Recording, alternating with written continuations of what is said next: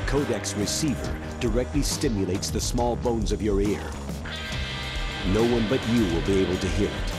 No one but you. Stay a while and listen. Nerdeprat.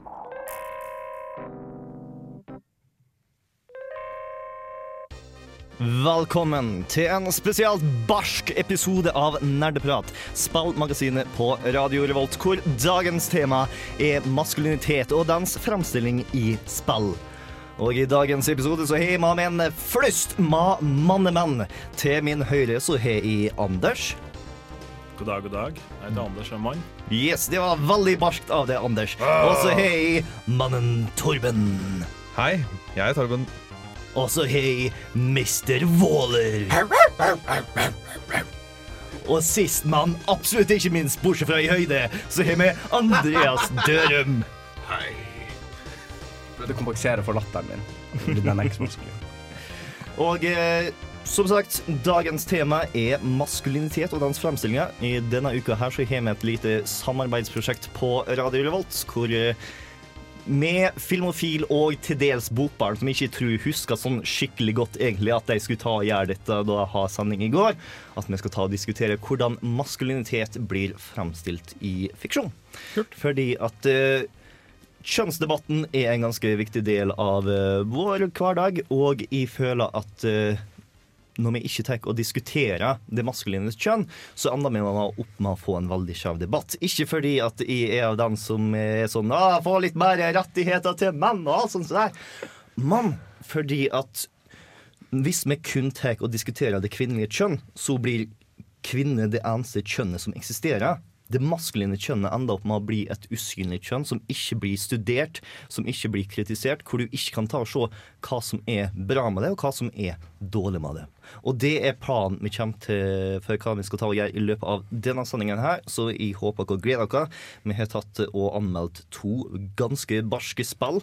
Anders har tatt og stått for Darkest Dungeons, og jeg har stått for Lisa The Painful RPG. Men før den tid så har jeg lyst til å ha litt catching up med gutta mine. Og hva har dere spilt? Jeg har, eh, har eh, tatt og spilt litt av expansion i en sånn eh, ny versjon av Second Life som heter Real Life. Okay. Ja, eh, det vil si at jeg har sittet og jobbet med oppgaver i hele helga. Så jeg har ikke spilt så veldig mye. Jeg har spilt litt Darkest Dungeon, eh, som jeg da snakker om litt senere i sendinga. Mhm. Men jeg har mest sittet framme om applikasjonen Word 2013. Ah, jeg har brukt mine timer i det, man ikke ennå runder sjøl. Nei, det er vanskelig. Det, altså. det blir aldri ferdig. Hva med du, Torben? Jeg likte spesielt det nivået i Word hvor du må kjempe mot han eh, Hva heter bindersen? Clippy. Clippy. Ja, Clippy. Alle hater han. Nei da, jeg eh, Jeg mistenker at Klippi er en sånn, uh, sånn dum kunstig intelligens som har blitt sendt tilbake i tid fra fremtiden for å forhindre at Skynet blir til. Fortsett. Nei, jeg, jeg skulle ønske jeg hadde spilt noe, men uh, hva er det jeg har spilt? Jeg, jeg har spilt litt grann et uh, Pokémon-spill I Hvilket da? som jeg ikke betalte penger for. Nemlig Pokémon Shuffle, som er tilgjengelig gratis på Nintendo eShop, og som er et uh, typisk free to play-spill. OK, hvordan er det et typisk free to play-spill? På den måten at uh, du, eh, hver gang du går inn i et nivå Dette er et sånn slags puzzle-spill. Hver gang du går inn i et nivå, så bruker du et hjerte. Og et hjerte tar eh, 30 minutter å regenerere. Mm. Og så er det en cap på fem hjerter.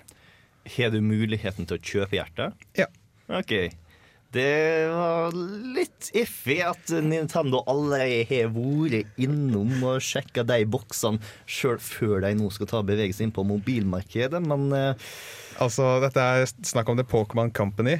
At, det er jo Nintendo-ish, yeah. men uh, samtidig så har jo The Pokémon Company har allerede lansert flere apper på, eh, til iPhone og Android og sånt. Så de er jo allerede Du får faktisk kjøpt Pokémon Trading Card Game til iPad. Så kan du spille det vi, det vi pleide å liksom flippe opp og ned i skolegården da jeg var ung. eh, Det kan du nå spille på iPaden din, sånn, sånn som det faktisk skal spilles. og Ikke den tullemåten som vi spilte det på. så blir det litt som Heartstone og Magic the Gathering-spillet og alt sånt som der, eller er det Det er faktisk Det er sånn. faktisk ganske likt. Nice. Eh, Har du sittet og spilt det, Jens Erik? Det har jeg ikke. Jeg har dessverre ikke en iPad. eh, men hadde jeg hatt en iPad, så hadde jeg sikkert brukt mye tid på dette Pokémon-spillet. Nei, jeg har eh, spilt en del Cities Skylines uh, i det siste. eh, Som er en uh, OK, nå må jeg huske hvordan dette her henger sammen. Fordi det har ingenting med Cities XL og XXL å gjøre. Ikke? Ikke. Men det har mye med Cities in Motion å gjøre. Å ja. Det noe med Citybank å gjøre? Nei, Nei. ingenting. Er- City? Nei, det er to helt andre ting. Det er to helt andre ting. Eh, men eh, eh, City Skylines er utviklet av Colossal Order, de som gjorde Cities in Motion. Og for de som var veldig skuffet over det nye SimCity som kom for to år siden, så kan jeg egentlig bare bekrefte først som sist at City Skylines er det spillet du ville at SimCity 5 skulle være. Hmm. Det er en veldig veldig fin bybygger hvor du har rå, altså ikke rå, du har mye til rådighet. Eh, Du kan hele tiden liksom utvide området du bygger denne byen din i. Du kan lage distrikter som, uh, hvor du kan bestemme hva industriområdene dine skal gjøre.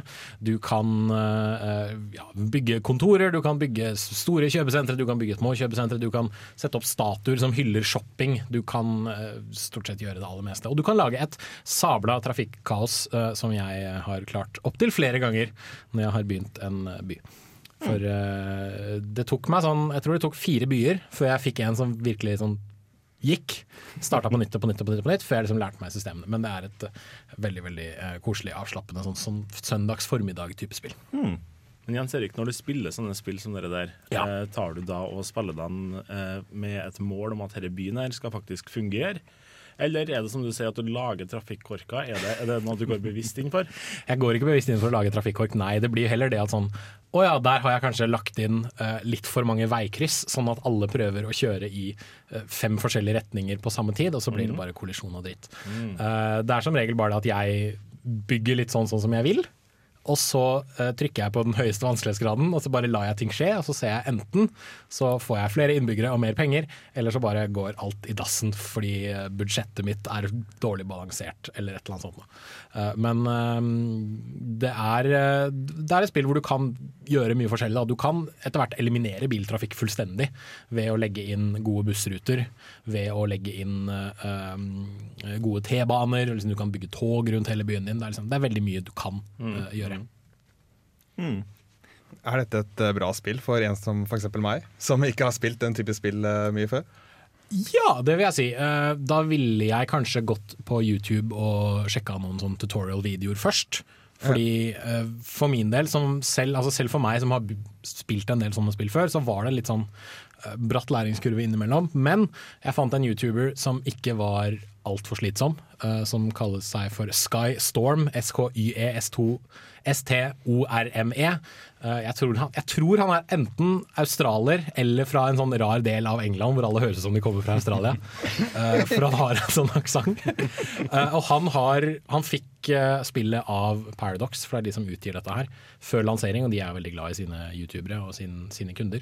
Så han har liksom spilt dette spillet her i jeg vet ikke to uker eller noe sånt før det kom ut. Han kjenner det virkelig ut og inn. Da. Så de, eh, Den Let's Play-serien han har gjort av City Skylines er en veldig god sånn primer til å liksom forstå spillet, forstå hvordan eh, soning fungerer, hvordan strøm fungerer, hvordan vann fungerer, hvordan avfall fungerer. Eh, Det tok meg for eksempel veldig lang tid før jeg fant ut at vannløp, altså vannrør og kloakkrør kan kobles sammen uten at innbyggerne dine plutselig drikker sin egen bæsj. Bare du passer på at, at der vann pumpes inn, er lenger opp i elven fra der pump, altså der kloakk pumpes ut. ja. Men de kan være på liksom samme, samme linje, fordi det er faktisk to rør du legger når du legger liksom ett rør. Da. Eh, det skjønte ikke jeg til å begynne med, så jeg hadde en fin sånn, sånn labyrint da, av uh, vann og kloakkrør som gikk liksom rundt hverandre. Eh, og det ble veldig veldig vanskelig å holde styr på etter hvert. Men du kan da faktisk få innbyggerne i byen din til å drikke bæsj. Ja, det kan du. og ikke bare det. eh, Noe jeg har sett på reddit.com slash r slash cities skylines, er at hvis du bygger mange nok av disse uh, kloakkpumpene som pumper liksom bæsj ut i vannet igjen, eh, så øker strømmen i vannet, sånn at du da kan sette opp en demning som gir strøm til byen din. Oi. Og dermed har du en by som får strøm av sin egen avføring. Det er litt poetisk, egentlig. Og det, da, liksom, da jeg fant ut av det, så, var det, så syns jeg det var kjempegøy. Da. Eh, Det du må passe på, er at denne demningen ikke demmer opp denne bæsjestrømmen sånn for høyt oppe, Fordi da kommer hele byen din til å bli oversvømmet av sin egen avføring. Okay, der. Nå ble jeg faktisk solgt på dette spillet. Fordi det, eh, ikk- altså, det har skjedd ikke at folk har oversvømt byen sin med, med bæsj, men at de har oversvømt, by, oversvømt byen sin sånn punktum når de har lagt disse demningene. Jeg har sett noen YouTube-klipp hvor noen legger en demning og sier ah, kje- kjempebra, nå har jeg masse strøm, se på dette her. Og så plutselig så ser du at vannstanden stiger. Og begynner liksom bare velte inn over denne liksom fine sånn forstaden. Og de bare oh no! Det er litt som å se det klippet av han som prøver å tenne et bål inni trehuset sitt i Minecraft, og så bare, og så bare brenner hele dritten ned. Det er litt sånn.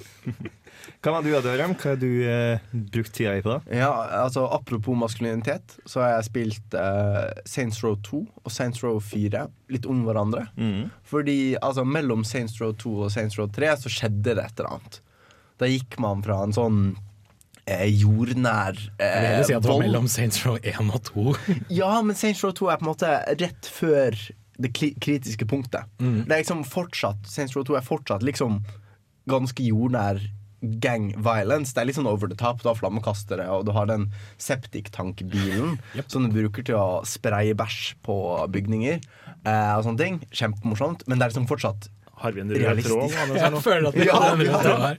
Vi har en rød tråd. Det, det, det var ikke planlagt. Det var en eh, fantastisk tilfeldighet. Eh, men Saints Row 4 på en måte er i andre enden av skalaen, hvor du har superkrefter og kan liksom spy flammer, og du har liksom 1000 millioner våpen. Og på en måte sammenligne de er veldig interessant, fordi de er liksom veldig gode på det de gjør, men de gjør veldig forskjellige ting.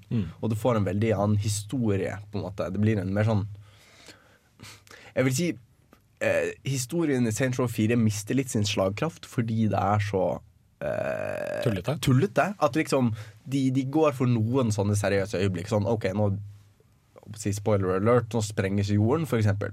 Det er litt sånn da skal man jo på en måte reagere litt, men det er litt sånn to sekunder etterpå så liksom løper du gjennom byen i superhastighet og slår et romvesen sånn at han liksom flyr 100 meter og sprenger fordi du har sånn superkraft. Og, altså, da blir det Da måtte måte fisler den emosjonelle tørket litt ut, da. Mens i Saints Row 2 så er det liksom mer sånn Det er liksom bare enormt, enormt voldelig. Eh, og du er kanskje på en måte den mest psykopatiske psykopaten i psykopatbyen i de spillene. Det er det jo ellers også, da, for så vidt. Ja, altså jeg vil si altså Selv på en måte per eh, spillprotagoniststandarder. og liksom det er noen spill Jeg vil si Far Cry 3. Der er du ikke mer psykopat enn på en måte de fleste spillprotagonister. Men du blir på en måte stilt på en måte litt spørsmål med Mm. wow. Mens i Saints Row 2 så er det på en måte du, Det blir ikke stilt noe spørsmål med at du er en psykopat, men det er på en måte du er så psykopat at det på en måte spilleren bare wow. Nei, Det spillet som jeg har spilt eh, denne uka, her som er Lisa the Painful RPG, klarer faktisk å gå den linja som Saints Row 4 ikke klarer helt å gå. Masse bedre, altså mellom det å ha det artig og det å være seriøs samtidig. Eh, Det kommer til å gå inn på i løpet av anmeldelsen, selvfølgelig, men før det så skal vi få nyheter. Og selvfølgelig god musikk. Nå skal vi få litt eh, Bokassa med No Control.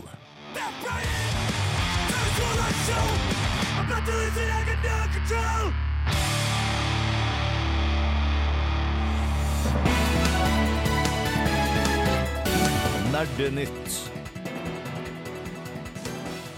Og i dagens Nerdenytt så har vi litt av hvert, annet Kojima som tar og splittes opp fra Konami. Vi har Battlefront-nyheter og eh, ting som utsettes og ting som dukker opp. Eh, har du lyst til å gå i detalj på noen av det her, Jans Erik? Det kan jeg gjøre. Jeg må bare flikke meg frem til eh, riktig ting i telefonen min, fordi jeg har ikke med meg laptop foran meg i dag. Eh, vi kan begynne med Hideo Kojima og Konami. Nå ryktes det at eh, det samarbeidet kommer til å gå i dass. Og det er et ganske langt samarbeid der. Det er et veldig langt samarbeid. Det har vart siden 1985 eller noe sånt nå, tror jeg. Ja, jeg tror ikke jeg har sett et eneste spill han har lagd som er på noe annet enn eh, Konami sin eh, label. Nettopp. Så ja. Ja, for meg er det nesten helt synonymt. Altså, Og for de som, de som hører på og lurer på hvem pokker er denne fyren, og hva er det dere snakker om, eh, Hideo Kojima er skaperen av eh, Metal Gear-spillene og Metal Gear Solid-serien. Og Konami er jo da de som utgir disse spillene og bidrar litt med utviklingshjelp og sånt. Eh, Men nå ryktes det at en krangel mellom Hideo Kojima og altså hans selskap, Kojima Productions, og Konami, de som utgir spillene, har resultert i at hele Kojima Productions bare kommer til å bli feid ut fra Konami-familien. Uh, og det bekrefter en anonym kilde overfor uh, GameStop at uh, nå har Kojima sluttet å være fast ansatt i Konami, og at hele styret i Kojima Productions er på vei ut.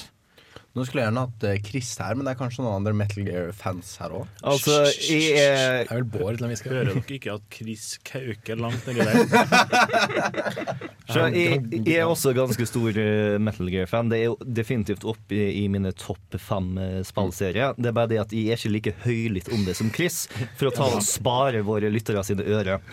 For det for det jeg er nysgjerrig på, er hvor kommer fansen til å gå? Altså, er de Definitivt Kojima. Det er Konami tar med å gi penger fordi at de tar og gir oss Metal Gear Solid-spill.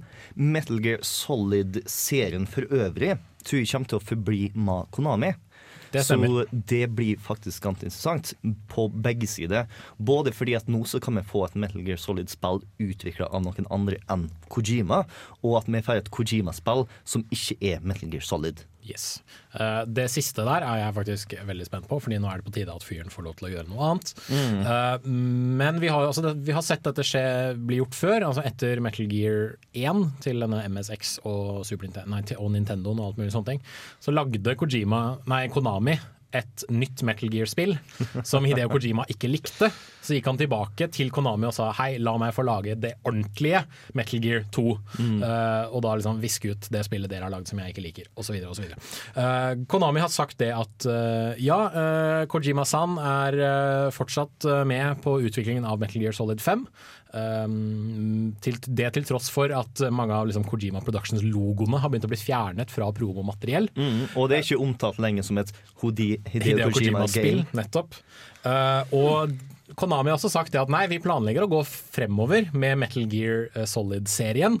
Og hvis noen har lyst til å eh, ta dette i sine hender, så skal de få lov til det, har Konami sagt. Så jeg håper virkelig Det er nesten en bekreftelse. jeg håper virkelig at det er noen store spillutviklere der ute som nå bare tar og griper sjansen og sier la oss gjøre dette. Fordi at hvis det er Konami som tar og stand og bestemmer hvem som skal gjøre det, så får vi en ny Castlevania Can-rebooten hat på hendene våre igjen.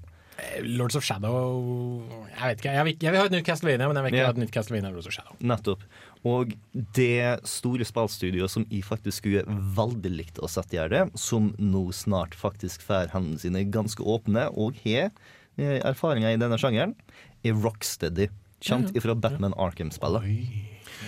Apropos at du skulle nevne det. Yes. Eh, de eh, får kanskje ikke frie hender så tidlig som vi hadde håpet. eh, fordi Batman Arkham Knight har igjen blitt eh, utsatt. Denne gangen i tre uker. Så ny lanseringsdato er 23. juni. Ja, Kan jeg gjengi en, en overskrift jeg leste på Rock Paper Shotgun? Det skal du få lov til. Eh, Batman loses fight with Calendar Man. Det er morsomt, fordi Calendar Man er en faktisk skurk i Batman-universet. Uh, Sefton Hill uh, sendte ut en pressemelding og sa det at vi er en utvikler som hater å gjøre kompromiss, så vi må dessverre beklage at det betyr at det tar litt lengre tid før du får spille slutten på Arkham-trilogien. Fordi de skal gjøre spillet så bra som overhodet mulig, så derfor må det utsettes ytterligere tre uker. Og jeg har egentlig ikke så utrolig masse mot å ha noe å gjøre på i sommerferien heller, så det å ha et storspill i juni blir faktisk litt fristende. Du får kanskje mer enn ett Batman-spill i eh, sommer, fordi nå ryktes det nemlig at det kommer en Batman Arkham Collection til PlayStation 4 og Xbox One eh, litt senere i år. Med da Batman Arkham Asylum og Batman Arkham City i eh, nyoppusset, deilig 1080p-utgaver. Eh, fordi vi, er tydeligvis ikke, vi har tydeligvis ikke fått nok av spill fra den forrige spillgenerasjonen som kommer ut på nytt med litt sånn uh, pusseshine på toppen. Det ser ut som at vi fikk sånn akkurat nok, fordi at eh, Batman Arkham Origins fikk ikke lov til å bli med der. Kanskje delvis fordi at det ikke var utvikla av Rocksteady. Og apropos gamle spill som kommer ut i 1080P. Ser dere hvor flinke jeg er til å knytte tråder i alt dette, dette denne herligheten? God of War-serien eh, feirer ti år i år, og det betyr at vi får God of War 3 til PlayStation 4. Ja, ok. Um, det er meg riv hakkende likegyldig, sånn egentlig. Jeg har spilt God of War 1 og 2, så hvorfor ikke spille God of War 3 på PlayStation 4?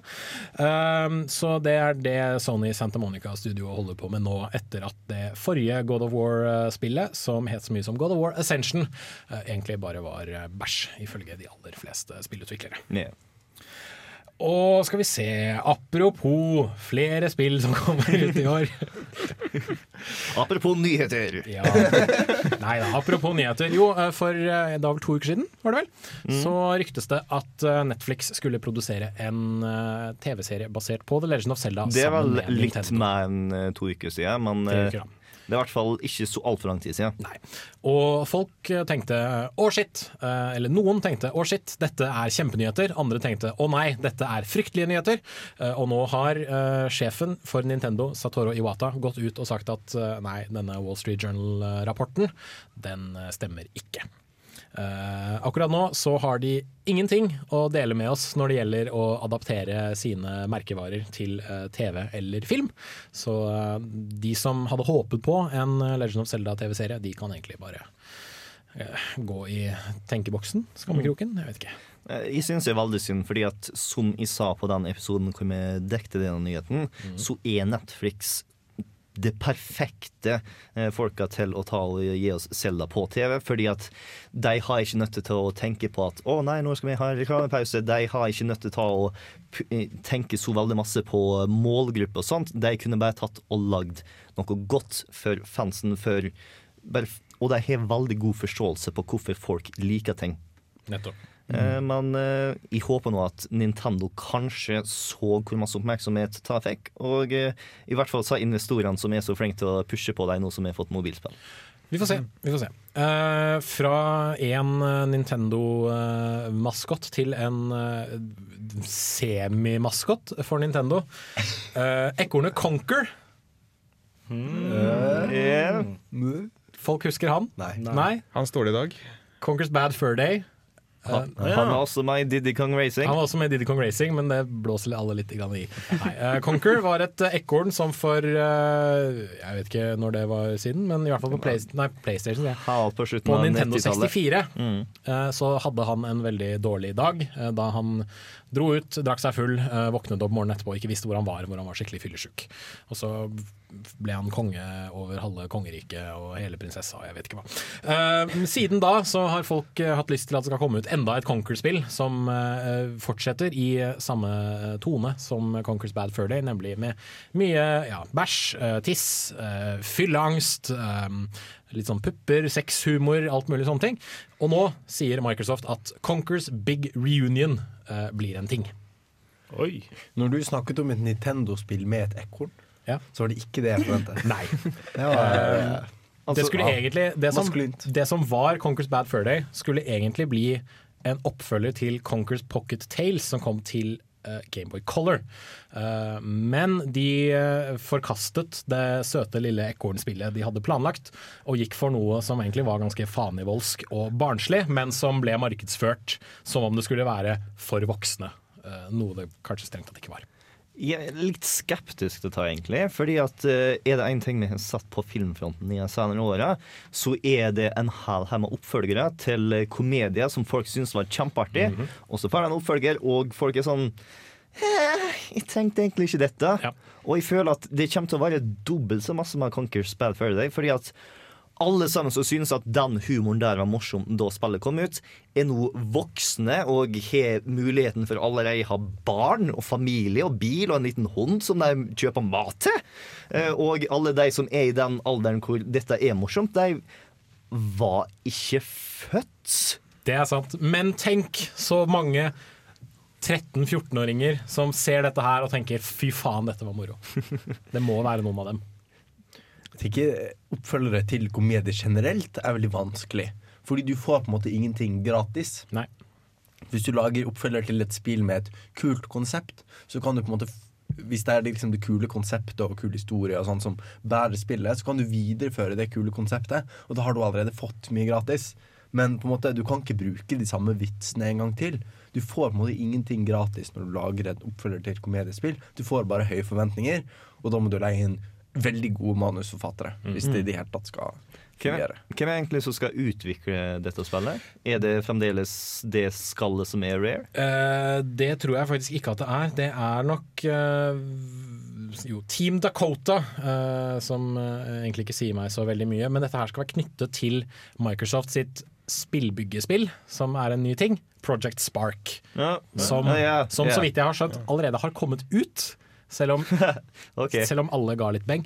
Uh, men jo, det skal knyttes til, uh, til Project Spark på et eller annet vis. Men jeg regner med at du kan kjøpe dette her sånn uavhengig av Project Spark. Eh, ikke bare det, men det skal være en episodisk serie av alle ting. Fordi det er i vinden for tiden. Sure. Så um, kjøp den første episoden, Fordi hvis du ikke gjør det, så får vi kanskje ikke en episode to. Um, nei da. Men også den, han som er stemmen til Conquer, kommer tilbake. Og jeg vet ikke, det er en teaser-trail ute på nettet som er uh, festlig nok. Altså, han ser ut som Conquer, bare at han ser ut som han er liksom skåret ut av leire. Og det er litt sånn uh, stygt. Har du en uh, nyhet helt på tampen? Det har jeg. Det er en veldig veldig kjapp en. Uh, nemlig det at Star Wars Battlefront, som i hvert fall jeg og sikkert du også, Bård, gleder yep, oss yep. litt grann til. eh, det er nå blitt bekreftet av Twitter-kontoen EA Star Wars at det kommer ut eh, til jul 2015 til Xbox One, PlayStation 4 og PC. That's it. Det kommer til å bli ganske interessant, egentlig. Ja. Fordi én, det betyr at eh, vi litt voksne får oss eh, et spill som er skikkelig godt utvikla, og som har helt fantastiske snøgrafikkmotorer på hoff og alt mulig rart. Men samtidig, eh, som tidligere ansatt i spillbutikk, så vet jeg at de det var aller mest populært med, så var det tolvåringene. Ja. Det var de som ikke kunne ta og spille Call of Duty, fordi at mamma var ikke ennå villig til å gi dem 18 års aldersgrensespill. Og Star Wars var det spillet som tillot dem å gjøre det. De dreit jo om det var på PlayStation 2 de spilte i 2012. De fikk spille det spillet, de fikk spille med kompisene, og det var artig. Og jeg tror at når du ikke har med PlayStation 3 og 360-skus, så kommer det ikke til å tjene like masse. Men nå er uh, Xbox One og PS4 over et år gamle. Det er sant. Så da er det kanskje på tide at utviklerne begynner å si nå, nå holder det ikke med å liksom utvikle 360 og PS3-utgaver i tillegg, fordi det, det blir, på et eller annet tidspunkt så blir det ikke økonomisk riktig av dem å gjøre. Ja, Men de utvikler et PlayStation 2-spill i årevis. Ja, men de ble kun sluppet i Brasil, fordi Brasil fikk, Brasil fikk PlayStation 2 for, for, for første gang for sånn fire år siden. Eller noe sånt. Jeg vet da faen. jeg. Det kom ut sånn Fifa 14, om ikke 15, kom ut her i Norge. Ja. Men det var det som het en legacy edition, så Ja. det var Fifa sånn 11 eller noe sånt. Bare med eh, nå dagens eh, fotballspillere. Oh, ja.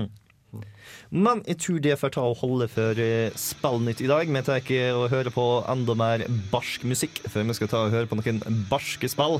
Eh, første spillet ut blir Darkest Dungeon. Du skal få høre Anders sin anmeldelse av den rett etter at du har hørt ferdig On GP av Death Grips.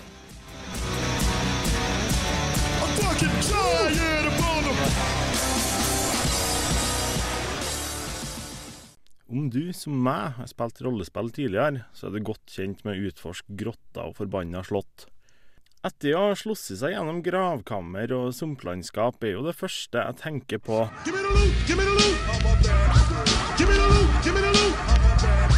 Ja, for hvem tar seg egentlig tida til å tenke på den stakkars trollmannens mentale helse oppi alt sammen? Jeg har spilt Darkest Dungeon.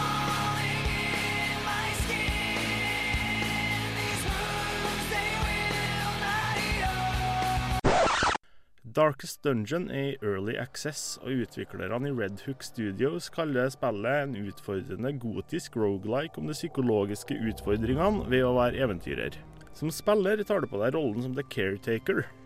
The Caretaker er en slags prosjektleder for ditt laug, og din jobb er å sende eventyrerne ut på oppdrag, utruste dem med våpen og sørge for at de har med seg nok fakler og mat. The cost of preparedness, measured now in gold, later in blood. Når de kommer tilbake, er det òg din jobb å aktivisere dem og få dem til å tenke på andre ting. Ved f.eks. å sende dem i kirka for å be ei uke i strekk, sende dem på institusjon for mentale lidelser, eller rett og slett gi dem penger og be dem hore og drikke bort sorgene. Dette kan igjen da føre til at de blir friske og raske, dypt religiøse eller får syfilis.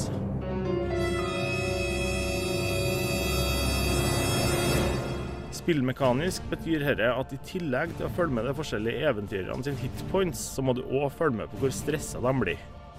Jo større mentale belastninger folk ifølge har, jo mer smitter det over på de andre. Den hellige krigeren har blitt mørkredd og mumler for seg sjøl om at vi alle kommer til å dø. Gjøgleren har spist opp all maten. For han mener jo tross alt at det er kun han som drar lasset, ifølge. Sjølsagt påvirker det her folkene rundt dem, og gjør at spillet får en ekstra dimensjon når det kommer til planlegg. Kampene er turbasert, og selv om det er mye å sette seg inn i de første gangene man prøver spillet, så fremstår det som intuitivt nok til at man ikke trenger en guide for å kunne spille. Et spill om psykologiske lidelser kan fort bli veldig dystert, men i Darkest Dungeon har Red Hook Studios klart å få en humoristisk snert på dialogen. Når det i tillegg spilles såpass overdreven på arketyper fra rollespillsjangeren, blir Darkest Dungeon et spill jeg anbefaler å plukke opp til prisen av to utepils.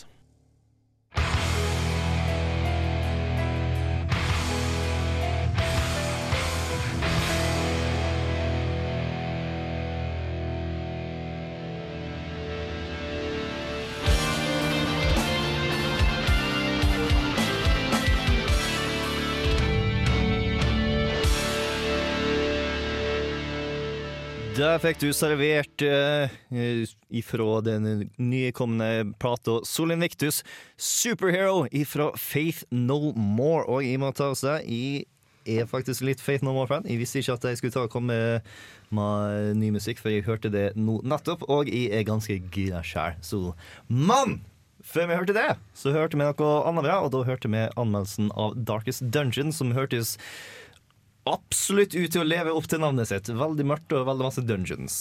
Jeg syns òg det er artig at, at uh, Fate No More kommer rett etter at vi snakker om Darkest Dungeons, for det er jo akkurat det Darkest Dungeon òg handler om. At man går tom for tro. Mm. Den var, den var dyp. Veldig god formulering eh, der, Anders. Tusen takk. For deg som uh, hørte noe anmeldelsen og har lyst til å plukke opp spillet, hvor kan jeg gjøre det, og på hvilken plattform? Du, så vidt jeg vet, så finnes det kun på, kun på Steam. Eh, jeg sa jo at det koster to utepils. Eh, mulig at jeg tok litt der, sånn, men du får det til 140 kroner på Steam. I hvert fall per i dags dato, litt Mm. før klokka fem i dag. Ja. Og da uh, blir det selvfølgelig kun på PC. Da er det kun på PC. For øyeblikket. For øyeblikket. Time will tell. Men det, det ligger litt sånn opp altså Det er veldig sånn bare point and click hele veien, så jeg ser for meg at det her kanskje kan bli porta til tablet så etter hvert, jeg, altså. For det, det føles sånn. Mm. Nei, men uh, dette er et spill som har det veldig masse artig på de allerede eksisterende kunnskapene vi har om fantasy-sjangeren, om alle de arketypene, om magen og den rogen og den barske warrioren. Eh, kunne gått litt i dybden på hvordan de har det artig med dette? Ja, jeg, jeg snakka jo òg litt om det i, i det forrige programmet vi hadde. Jeg sa at jeg hadde laga meg en okkultist som heter Torben. eh, og okkultisten Torben når Han, han var til taklene som sto i hjørnet og heala alle? Det er helt korrekt. Han har noen sånne eldritch eh, forces som han bare sender mot motstanderne. Men i hvert fall, når, altså, eh, når man er halvveis ute i en dungeon hvis det er en lang dungeon, så har man med seg Man har med seg telt, og man har med seg ekstra mat, og man har med seg litt ved. Så kan man ha med camp, da. Lage seg en liten sånn, lage en bålplass og sette seg ned og ha det hyggelig. Eh, og litt sånn eh, avhengig av hvilke klasser man har med seg da, i det følget, så sitter vi rundt bålet og så skal vi motivere hverandre. Og da kan den hellige krigeren f.eks. si Åh, tusen takk Gud for at vi fortsatt er med i dag, og lever en dag til. Og så kan han Rogan bare være sånn Ja ja, heldig flaks at det ordna seg, liksom. Mens han eh, Torben, da, okkultisten Torben, er sånn Ja, hvis jeg ikke ofrer dere i løpet av natta Og det, det, det, det bare spiller på Klassisk Torben! ja, ah, Torben. You so silly. Skulle hatt en jingle på det. Ja, det er fint. det er fint. Um, men, men sånn, eh, når Torben da er nesten død, uh, så begynner stressnivået til Torben å gå opp helt sånn. Og så blir han paranoid til slutt for at han tror at det ikke bare er dem han slåss mot som er ute etter å ta han. Men òg den personen som prøver å heale han. Nei, nei, nei, jeg vil ikke bli heala, for jeg tror det egentlig bare er ute etter å forgifte meg. Så han nekter å ta imot healing, og så begynner han bare, begynner han bare å snakke sånn nja, nja, Cthulhu, Sånn som bare sånn eh, Cthulhu-snakk, da, i stedet for vanlig snakk. Sånn typisk sånn okkultistgreie å gjøre. Mens den staute, kjekke, hellige krigeren han står der bare fortsetter sånn Nei, nei, vi, vi beler bort dette her etterpå. Det ordner seg. og, og, det, og her syns jeg det bare spiller på alle mine alle mine forventninger og alle mine fordommer mot alt som har fra Dungeons and Dragons til, til Arnold som Konan, liksom. Det bare tar tak i alt det der. Det eneste jeg savner, er at jeg har ikke fått lov til å slått en kamel ennå. Deep cut. Liker det. Finnes det en barskere handling i verden? Ja, ja det finnes. Jeg, jeg har et spørsmål. Uh, jeg er litt sånn prinsipielt mot det å kjøpe Early Access-spill, fordi jeg er alltid litt sånn redd for at jeg eh, kan kjøpe katta i sekken. Eh, er Darkest Dungeon et eh, spill hvor du, du spiller gjennom det og tenker at ja jo, dette kan bli ferdig om to år, eller er det spill der man tenker at ja, dette kan være ferdig om et halvt år? Altså, jeg skjønner jo at du er skeptisk til Early Access-spill, for det er jeg jo sjøl. Og jeg har jo jeg har brent meg på det der så utrolig mange ganger. Men, men som den det er litt sånn det er Stockholm-syndrom. Jeg går nå bare tilbake og sympatiserer og kjøper nye spill. Eh, men, men Darkest Dungeon virker veldig ferdig. Altså det er Jeg har ikke møtt på noen store bugs eller noe sånt. Det er jo når man holder musa over enkelte plasser i byen, eksempel, så kan det stå at det her har ikke blitt implementert enda, men det kommer på en ny release. Eller at ja, vi kommer med nye klasser, f.eks. Men, men selve spillet, eh, selve Grunnmekanikken er der. liksom. grunnmekanikken, spillmotoren, er der. Ja. Det er bare det at de har ikke lagt inn alt av content ennå. Det høres veldig ut som eh, det er like ferdig som trippel A-spill er rett før jul. Det er at jeg er litt mer enig. Shots fired. Yes, og mens eh, trippel A-industrien tar og eh, slikker sine sår, så kan jeg ta og høre på Jealousy av Reggae Got Beats.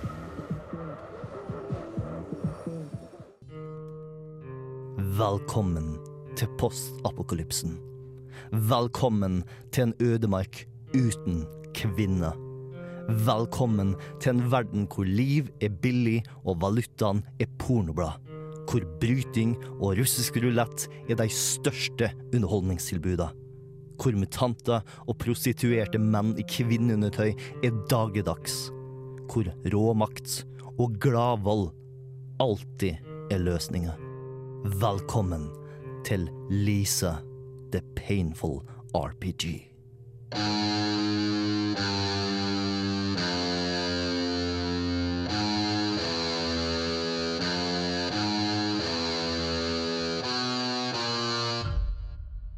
Du spiller som Bradley. En staut, middelaldrende mann som hadde et kjipt nok liv, fylt med problemer av den narkotiske, sosiale og pappaslige typen allerede før verden gikk til helvete. Nå som sivilisasjonen har sagt takk for seg sjøl, så er det bare én ting som gir det trause livet hans noe mening. Spedbarnet han fant forlatt i naturen.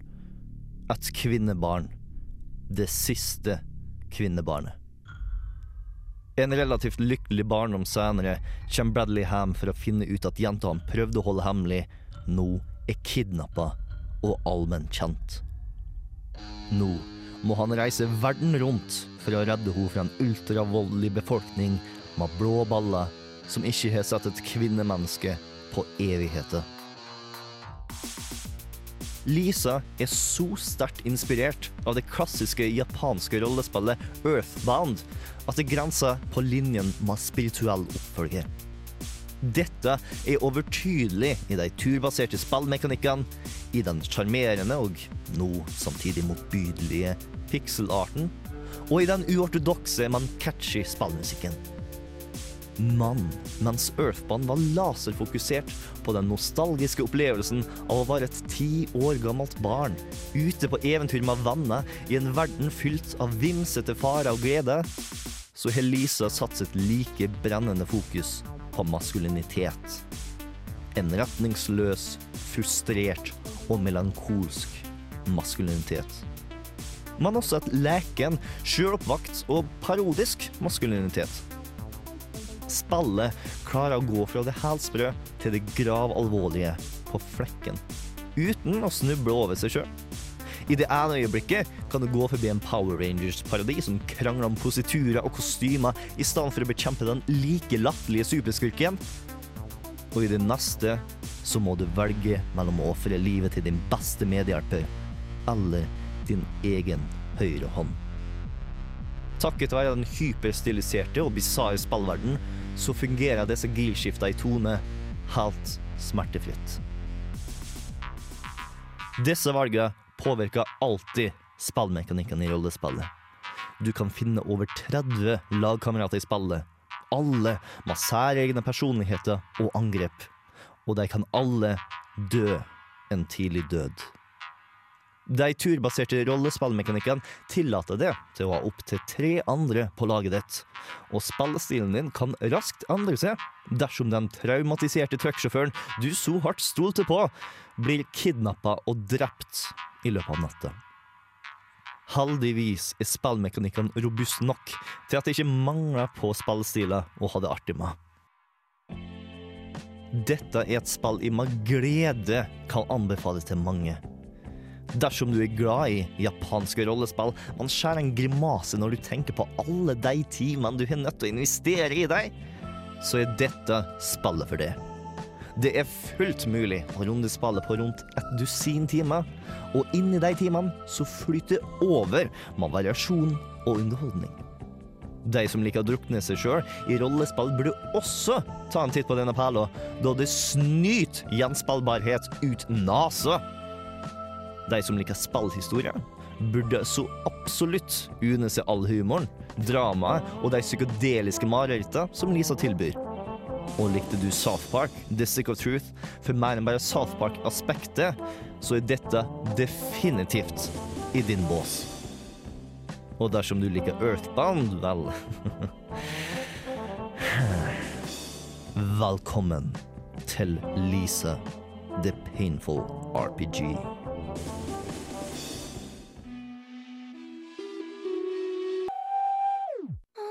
Du hører på Nerdeprat på Radio Revolt.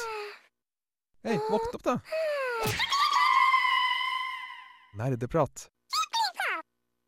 Du hørte Pappi av Sushi og KB, rett etter at du hørte min anmeldelse av PC-spillet Lisa The Painful RPG, som du kan kjøpe på Steam for 70 kroner. Det er en utepils. Oi. Mhm. Men, Da går du på feil sted, altså. Men det er ute. Det er ute, Ja, ok, sant? Mm. Ja. Utenfor døra. utenfor døra.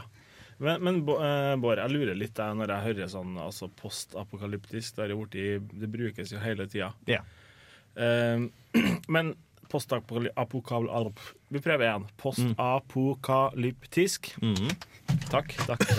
Eh, det er jo Ikke riv ned hele studioet nå. Her går det for seg, altså. Jeg er så maskulin, bare. Det er, Det det som er det er en egen apokalypse som skjer her nå. Men, men, men da er det de samme mennene som har opplevd apokalypsen, som er igjen nå. Yep. Da blir jeg litt fornærma. OK. Det, altså for det de, det de gjør, da, de tilegner menn en del egenskaper jeg ikke vil vedkjenne meg sjøl. Mhm. Type eksempel at ja, la oss si at jeg ikke har hatt sex før eh, Altså etter apokalypsen så har jeg ikke hatt sex. Jeg kommer ikke til å kidnappe et jentebarn av den grunn. Altså, greia er at eh, veldig masse av måten de tar oppfører seg i spillet på, faktisk blir reflektert i nåværende maskulin kultur. Du har f.eks. hvordan folk tar og oppfører seg, spesielt i high security-fengsel. Du har hvordan gjengmentalitet blant eh, ungdommer som ikke føler at de har noe sosial mobilitet oppover i verden. Bare drit i det og blir en del av gjengen. og det er ganske likt hvordan han oppfører seg egentlig. Selvfølgelig, dette er skrudd opp til 11 og er skikkelig tøysete. Du vil ikke være så ekstremt voldelig som du er der. Men det er, har fremdeles noe bak seg. Og med å ha den siste jentebarnet i verden, så har du også muligheten for å ta og få menneskeheten videre. Og det er verdt å kidnappe noen for. Men er det det som er motivasjonen til kidnapperne? Spoiler alert og sånn, men er det, er det det som er grunnen, eller er det For gjengen som en helhet så blir det presentert som grunnen. For gjengmedlemmene så er det vel kanskje ikke like masse. Fy faen, det spillet høres så ekkelt ut. Hvordan er det? Er det, er det noe humor i dette her? Det høres jo egentlig bare helt jævlig ut. Hvorfor skal vi gidde å spille dette her? Det er faktisk et veldig morsomt spill. Det er bare, bare sånn veldig mørk humor. Men den har også sånn skikkelig bisarr og spesiell og veldig min type humor. for å si det sånn. Dette er et veldig Bård-spill. Dersom du har spilt spill som jeg har tatt og anbefalt før, du vil absolutt like dette. Eh, sånn En av favorittøyeblikkene mine er i en scene så får du tak i en bulldoser eh, og bare tar og fyker bortover og meier ned alle sammen som er framfor det. Og så er det en annen kar i bulldoser som bare sånn Oh, shit! Dette er øyeblikket mitt. Og så får du servert en to minutter lang flashback for livet hans, hvor han tenker Å, å bestefar, når jeg blir voksen, så skal jeg også bli bulldosesjåfør, sånn som du og pappa. Å, hold kjeft, det blir du aldri.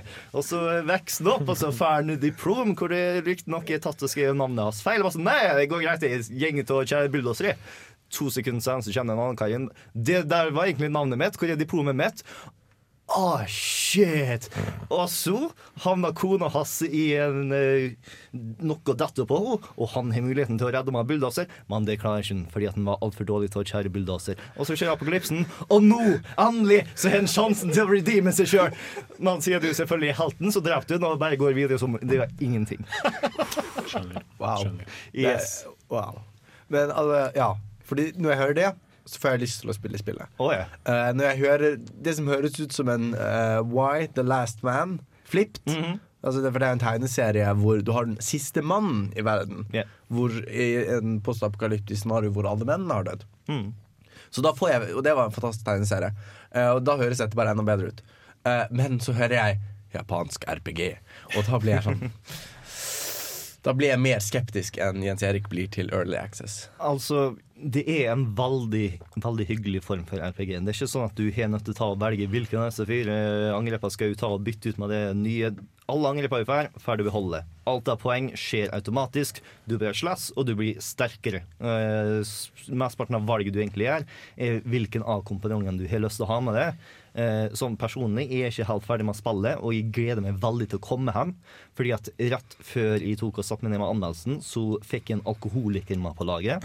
Eh, det han kan gjøre, er å drikke seg full. Det gjør han sterkere. Eh, han kan ta spytte ut alkoholen på folk, og hvis de da tar og kaster et ildangrep, så tenner jeg på alle sammen. Og det er bare så awesome, så det skal jeg ta og gjøre når jeg kommer hjem igjen. Han er vel ikke strengt tatt ikke sterkere eh, når han drikker, han er vel svakere når han ikke drikker. Det blir vel mer eller mindre ja, Fordi han er så redusert, mener du? Ja, akkurat. Ja. Eh, der har du et fundamentalt spørsmål. Mm. Hva gjør oss sterkere, hva gjør oss svakere? Men eh, Jens Erik, jeg mente på at du eh, hadde et spørsmål til på lur. Uh, Ja, du glemte det like masse som jeg glemte? Ja. Ja. Nei, det var Beklager. tem tematikk og behandling av tematikk og sånt. Ja, fordi det virker som det er et veldig alvorlig spill, ut fra hva, ut fra hva dette her altså, Ut fra hva jeg hørte i stad, og ut fra diskusjonen og sånt nå, hvordan altså, behandler den disse tingene den tar opp med sånn silkehansker? Gjør han spøk ut av dette at en jente blir kidnappet og mest sannsynlig vil bli forsøkt voldtatt osv.? Eller, er det, eller det presenterer det på, på en god måte? Det er på en måte ingen måte silkehansker, men jeg vil fremdeles si at det blir presentert på en god måte. Fordi at det blir veldig alvorlig. Eksempel eh, når du tar og møter på folk som har forrådt det tidligere, så all humor forsvinner. Da blir Bradley sånn en skummel person å være, fordi at du angriper, og du klarer ikke å få han til å stanse til å angripe. Eh, Du får veldig ofte psykotiske episoder hvor eh, plutselig, den jenta som du er ute etter, det er sånn tolv versjoner av henne som stamper jeg for Sally berg og bare ser på det mens du går gjennom. Og så plutselig så kommer far din sitt hus som en edderkopp bortover, og du er nødt til å slåss mot den. It's weird, men det er av den eh, interessante, bisarre formen for weird. Ja, japanske versjonen av Weird. Ja, det høres, det, det er det høres veldig japansk ut. Det er absolutt inspirert av japansk, men det er også veldig inspirert av uh, amerikansk kultur. Uh, ikke så altfor ulikt Earthbound der òg, egentlig. Eh, for øvrig, folk som har lyst til å spille dette spillet man syntes at det hørtes altfor mørkt og forferdelig ut, spill Earthbound om du ikke har spilt det. Veldig masse av det samme humoren og alt mulig rart, bare hyggelig. Mm. Uh, men spillet har også veldig god musikk. Uh, den musikken som ble spilt i bakgrunnen, var egentlig mest fordi at eh, jeg trengte musikk som jeg kunne ta og spille, eh, snakke over. Men jeg har også noe musikk som er litt weirdere, som eh, er, alt sammen er tatt og eh, komponert av Widdly to Diddly, som den heter. Og vi skal nå ta og høre på eh, tracket som heter Boy Oh Boy.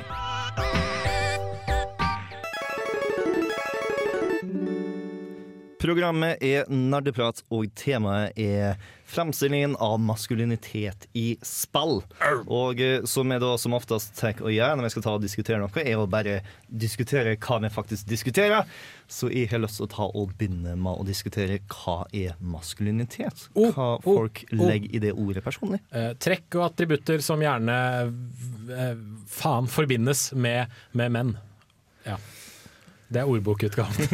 Ja, Det men pugget jeg før jeg kom inn i studio her. Ja, men Nei, men altså, jeg mener det er veldig nyttig å skille eh, Å skille eh, kjønnet Ja, ja. mannlig Ja, ja, ja, ja, og på en måte eh, å, Det er forskjell på det, det kulturelle og Ja, det, det- det biologiske. biologiske. Ja, Ja, ja, nemlig. absolutt. Og på en måte Menn kan ha maskuline egenskaper, kvinner kan ha maskuline egenskaper. Kanskje en bil kan ha maskuline egenskaper. Altså, eh, man måtte, kan man si altså, Det er bare en beskrivelse av et sett egenskaper. Ja, man tilegner jo objekter og egenskaper. Man kan jo si at, eh, altså, at eh, det her er en jentefarge og en guttefarge, eller en eh, dame- eller herrebil. Og som en som holder på å lære seg tysk, kan ta seg det å lære seg kjønnet på alt mulig rart av eh, subjekter. Jesus Ja, fucking er, Christ! ja, det er helt jævlig. Men er ikke det bare med å forvirre deg litt, sånn at, at, du, eh, at du da gir for eksempel eh, Jeg vet ikke, jeg, hvis du tar et piano, for eksempel. Er pianoet er det der, das eller de? Jeg vet ikke, men det er i hvert fall én på norsk, så det er et Ja. mannlig piano. ett piano. Et piano. Et piano. Det, ja, altså, Så det er et intetkjønn. ja. Men OK, la oss si at du finner et, eller annet, et substantiv da, som du kan si at det er en han eller et hu. Mm. Ei hu. Eh, Nå baler jeg godt her. Men, men, men er det sånn at du begynner da å tenke på alle av f.eks. alle blomster som menn, eller på grunn av at du bøyer det som på tysk? Altså, Det er samme som det er på norsk. Tenk du å tenke på alt av ting som har kvinnelige for seg. For eksempel, tenker du på at skuten er mer feminine enn båtene? Ja, når jeg, når jeg begynner å analysere det sånn, så gjør jeg det, men ikke i utgangspunktet. Det gjør jeg ikke. Jeg vet ikke med det er, men jeg assosierer i hvert fall hunder med noe maskulint og katter med noe feminint.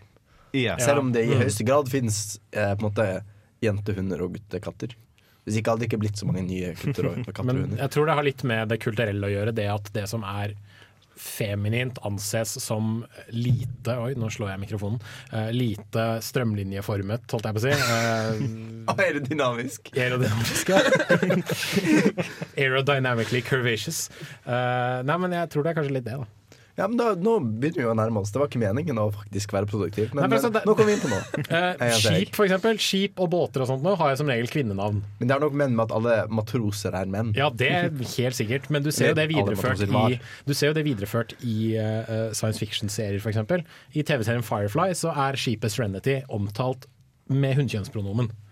Som her og she og uh, alt mulig sånne ting. Og behandles som en person, som om det er en, en faktisk kvinne. Anfield with semen. Men eh, la oss ta bare ta en liten omgang. Fordi at eh, maskulinitet er et eh, sett med egenskaper, gjerne kulturelt eh, betinga. Og jeg er nysgjerrig på hva slags egenskaper folk i studio tar å assosiere med ordet maskulinitet. Er det noen som har lyst til å hoppe på det? Kantete. Kantete? Kantete. Er det fordi jeg sa strømlinjeformet Ja, i stad? altså, kantete Det, det var litt mer et adjektiv enn en egenskap, egentlig. Ja, ja, men altså en, eh, men Maskulint er kantete både i en, fysisk forstand, men er mer kantete formet. Sure. Eh, men også på en måte mer kantete liksom, i oppførsel. Litt mer liksom ikke så elegant, men mer litt sånn Ja, Sånn harde sånn linjer. Ikke Ja, ja, noe sånn Ja. glidende hvor vi tar og er litt av det og litt av det. Men sånn, Mm. enten så er vi sint, eller så er vi ikke sint. Hvis, uh, hvis vann er kvinnelig, så er stein maskulint, for å si det sånn. det kan man si. For å Eller si det sånn. feminint. Altså feminint maskulint. Hva sa jeg? Eh, kvinnelig. Ja, feminint mente jeg. Mm. Ja. Beklager. Det er jeg som er teit. Ja, eh, jeg, jeg tenker altså sånn Nå har jo, nå har jo internett rabrukket det her begrepet alfamail og sånn, men, men uansett, når jeg hører maskulint, så er det det første som detter opp i hodet mitt. Altså at det er en sånn Altså, det, det er det første Jeg tar jo og utvider begrepet etter hvert som jeg tenker på det, men det er litt sånn som at jeg sier eh, Si navnet på en pizza, og da sier du Grandiosa med en gang. Yeah. Staburet har ikke sponsa denne sendinga. Ja, det, det er som at vi i Norge kaller eh, potetgull for potetgull. Ja. Potetgull er et varemerke som vi har begynt å assosiere med tingen potetchips. Er det litt sånn? Ja. Ja. Er du ler av nå? Vi er ikke sponsa av Mårud heller, bare så det er sagt. Eller Q-tips, som også for øvrig er et varemerke. Eller Kleenex. Sånn, men her ser dere jo, hvis du hører på og er med i enten Stabburet eller Mårud, her er det utmerkede sponsormuligheter. Ja, ja, ja. Det er bare å kjøre på. Men det er alfamailen du tenker også assosiere med. Det er det første, første jeg tenker okay. på. Men sant, etter hvert da, så tenker man at jo, jo, det Det er jo alle former for, eh, for, eh, for menn, egentlig, som skal dette under, under det her begrepet. Men det er liksom det første man tenker på. Er en sånn, ja, en sånn alfamel, litt sånn muskuløs ledertype. Altså, Jeg vil ikke si at alle former for menn vil ta og havne under maskulinitet. Fordi at det er en hel haug menn som er feminine. Det er et kulturelt betinget, ikke noe biologisk betinget. Ja, ja. Eh, Man i he litt av det samme assosiasjonene sjøl. Det er veldig som oftest eh, aggressivitet og høylytthet som detter inn i hodet mitt når jeg hører maskulinitet. Det er liksom folk jeg ikke har lyst til å være altfor masse rundt. Litt en til, hvordan tilnærming man har til en konflikt. Det har veldig mye å si i forhold til det. Det er jeg enig i. Men, eh, jeg vil be alle se for seg på det maskuline tegnet. Altså du har jo det tegnet. Tegnet for mann, tegnet for kvinne. Og jeg vil si på en måte det tegnet fanger litt gode og onde sider med det maskuline. Fordi huskeregelen for å huske det tegnet er at den rundingen er skjoldet, og den pilen er spydet. Eh, og det er på en måte det positive og negative i den maskuline rollen. Sant? Altså det beskyttende. Det er på en måte som holder stammen sammen. Sant? Høvdingen som på holde folk samlet, eller faren som beskytter datteren sin mot uh, tigerne, eller et eller annet. Men så har det også så, og, ja, Spydet kan også være en del av på en måte, det å beskytte det du er glad i. Eller. Men det kan også være volden og, og det destruktive. Og det ødeleggende som måte er i eh, det metaforiske spydet. Ja, Og så er det også en fallos. det er det også. Uh, sier du da at kvinnelige tegn, tegnet for, liksom, for kvinnelighet eller for femininitet er uh, en inngangsportal? Hvis nei. Et, et, et, et, eh, speil er det ofte tolket som. Det har jeg faktisk aldri hørt. Ja, det, altså det, ja. Nå skal ikke jeg si at alle eh, på det feminine er å se seg i speilet hele dagen, men eh, det er på en måte i hvert fall en huskeregel. da altså, Skjold og spyd og speil. Ja, en ting jeg skulle si, som sikkert eh, bygger under litt det, det Andreas nevnte i stad, med dette med skjoldet og spydet, det er det at et ord jeg, eh, etter å ha liksom kverna litt i hodet mitt, kom fram til, var tapperhet. Det forbinder jeg med maskulinitet. Men det kan også være veldig veldig kulturelt betinget, i og med at uh, i likhet med så veldig mange andre, så har jeg vokst opp med uh, europeiske, skandinaviske eventyr. Jeg har vokst opp med amerikanske TV-serier, amerikanske filmer, uh, amerikanske og japanske dataspill. Og da er det stort sett alltid mannfolka som har hovedrollen. Det er mannfolka som går inn i situasjoner som de kanskje er redd for å gå inn i, men de må gå inn likevel. Alternativt, i nyere tid så har vi også sett at det er veldig mye diskusjon rundt det at liksom, ja, hva, hva har det å si å være modig og sånt. Og en del amerikanske filmer og TV-serier går også i motsatt retning og sier at ja, men eh, tapperhet har å si at du må gjenkjenne en situasjon, og gjenkjenne, en situasjon, altså gjenkjenne om du kan løse situasjonen eller ikke. Du må liksom ha tapperhet til å rykke fram, men også tapperhet til å trekke tilbake. Mm. Så det var liksom noe som bare spratt opp i hodet mitt en stund. Men samtidig, altså å beskytte sine barn som en løvinne. Ja, det er jo også en sånn uh, uh, trope, er det hva man skal kalle det, er jo en høyst reelt fenomen.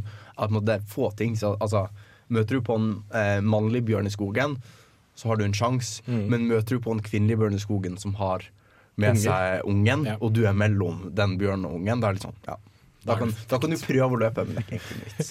Egentlig ikke vits. Så, så sånn sett er tapperhet også Og det vil jeg ikke si, kalle en maskulin egenskap. Eh, I, de, I de menneskelige kulturen så er det som oftest en uh, menneskelig egenskap. Fordi at det er faktisk evolusjonsmessig så er det best at det er menn som er det vi kan kalle som modige, men som i essens egentlig er de som dør først. Fordi at eh, hvis vi har en stamme på 100 menn og 100 kvinner, hvis 75 personer skal dø, så har hun lyst til at de skal være menn. fordi at da får du flest barn. Forklarte du nettopp de sterkes rett? Det, nei, det er ikke det som er poenget mitt.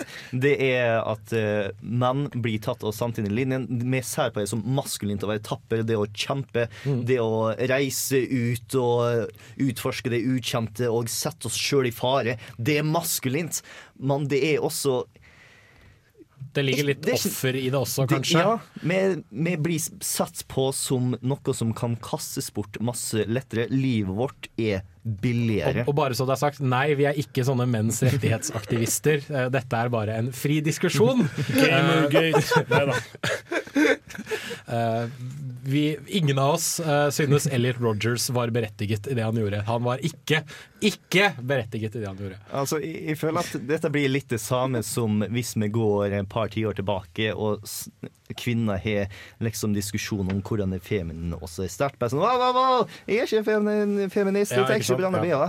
Det å ha meninger om kjønnet sitt, det å ha, kunne ta og diskutere dette åpent lys, betyr ikke at du sa at det ene er bedre eller verre enn det andre. Nei, det er det er viktig å ha diskusjon for å komme seg noen plass. Jeg bare vet at i disse tider så er det veldig lurt å påpeke Det er ting. veldig lurt å påpeke, men det er også lurt å påpeke at diskusjonen er en diskusjon som burde holdes, og ikke en som burde dysses ned.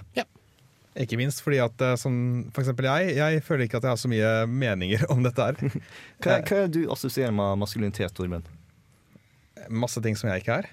Modig, sterk, eh, godt trent. eh, Du må ikke være godt trent for å være maskulin. Nei, Tenker men du jeg, da. det var veldig god selvtillit i hvert fall. Også, tror jeg. Ja, jeg vet Litt ikke. sånn brautende, men kanskje Ja. også litt dum. Ja, det er litt det jeg er på. Litt sånn ensidig, kanskje. Men da, det tror jeg har en del å gjøre med, som ble nevnt tidligere i sendinga også Kultur. Det, ja, kultur. Og liksom, vi nevnte jo eh, Svartsneger, eh, konaen som slår den derre digre kamelen. Som, som spytter han i fjeset, eller hva det nå er. Og det tror jeg også er sånn, Den dumme barbaren er jo en sånn typisk sånn Dungeons and Dragons-ting. Liksom sånn, ja, det de har i styrke, det mangler de i IQ-poeng. Eh, og liksom ferdig med det. Og det tror jeg liksom har blitt en sånn, sånn sammensurium. Sånn, nei, menn kan være dumme, men vi tilgir dem for det, eller noe sånt noe. Er det, er det for tidlig å dra dette inn i spill? Eh, Jeg tenker at Vi tenker å høre bitte litt på musikk, og så tar vi det inn i spill, hvor vi skal ta og diskutere hvilke spillkarakterer vi synes viser positive og negative maskuline egenskaper. Eh, Først så skal vi ta og høre på én spillfigur som tar og viser ganske gode egenskaper. Om det er maskulin eller feminin, det kan vi nå ta og diskutere litt. Fordi at eh, denne karakteren er Commander Shepherd. Det er du som har lagt inn eh, låta, Jens Erik. Stemmer det. Miracle of Sound. Yes, absolutt verdt å høre på. Vi kommer tilbake straks.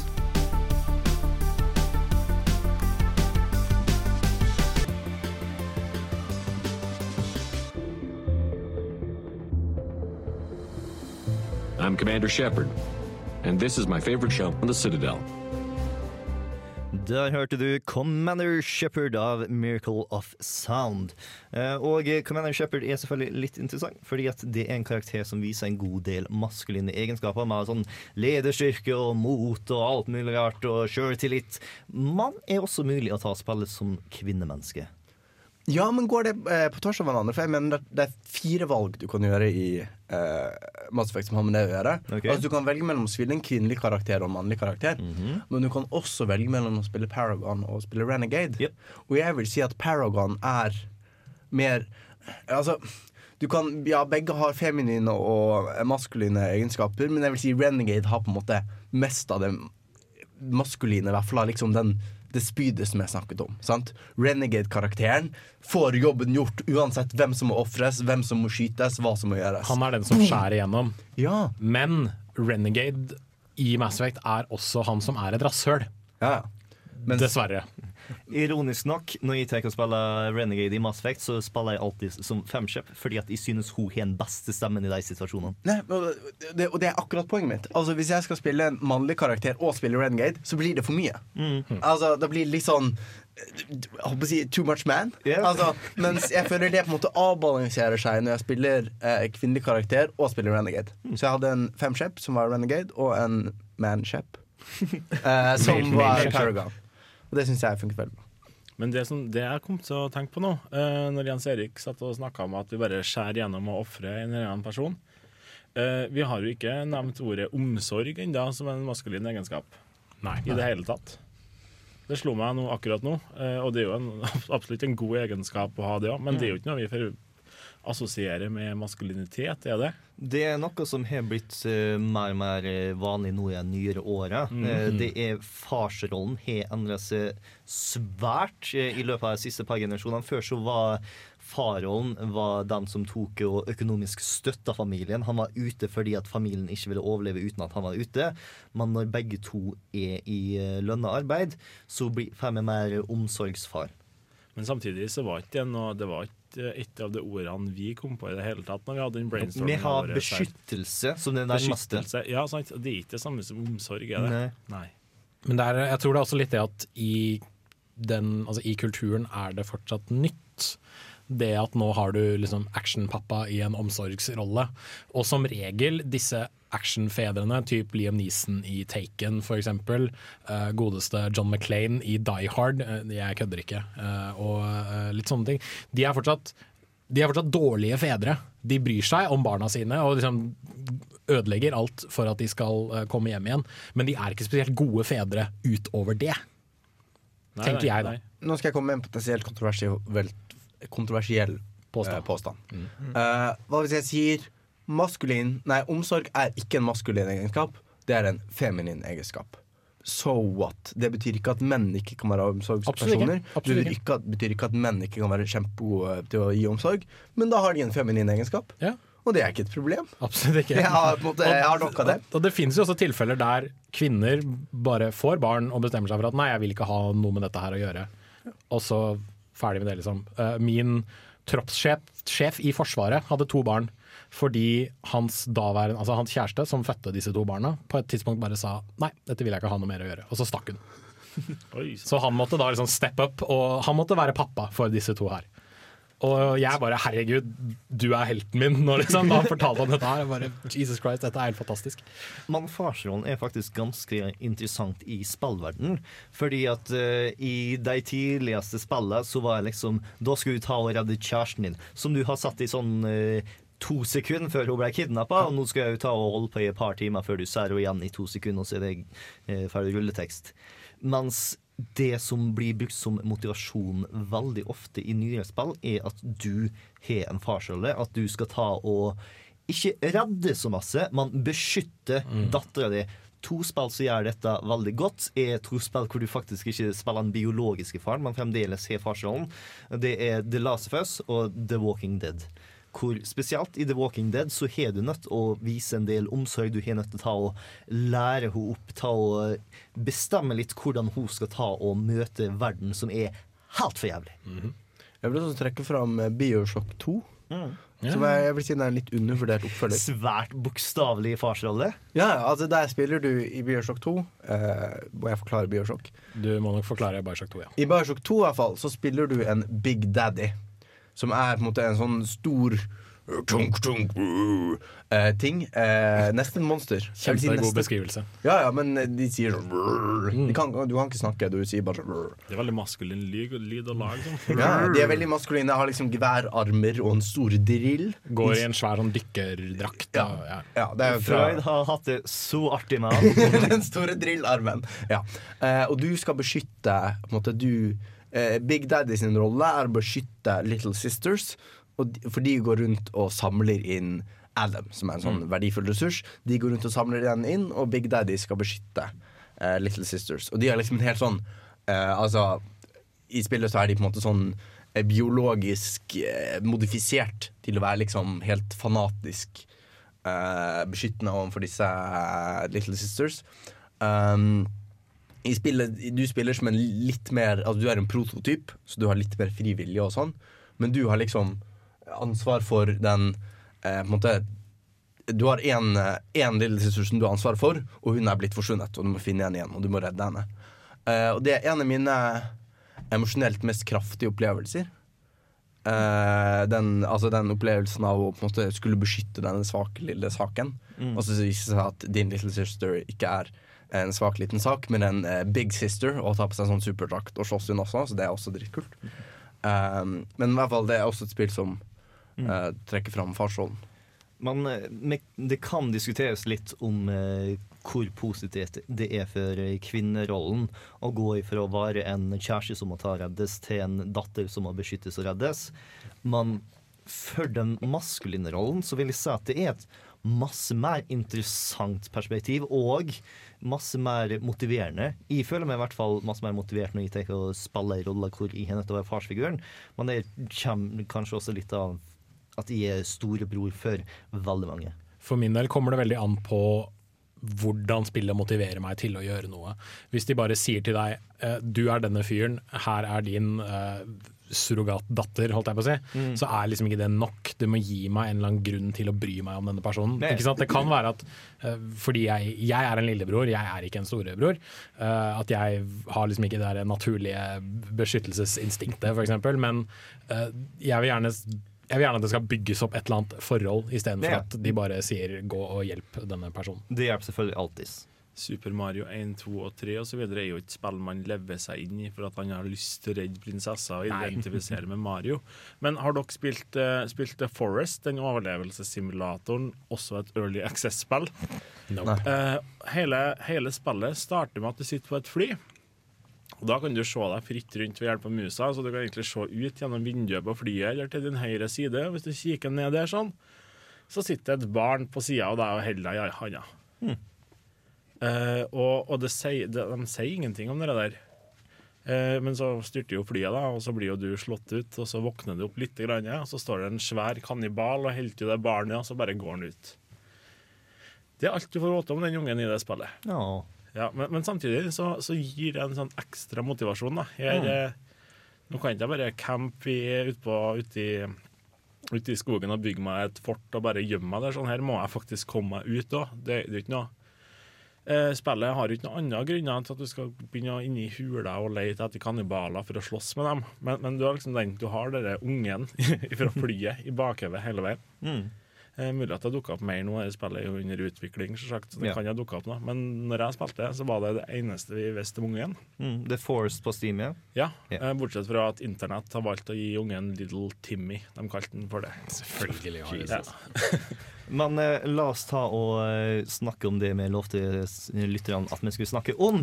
Hvilke eh, spillkarakterer vi føler tar og viser positive og negative trekk av eh, maskulinitet. Og la oss begynne med å være litt hyggelig. La oss begynne med de positive trekkene. Er det noen som har lyst til å komme med et forslag? Ja, Anders? eh, jeg, jeg har sagt det før, eh, og da flirer dere bare av meg.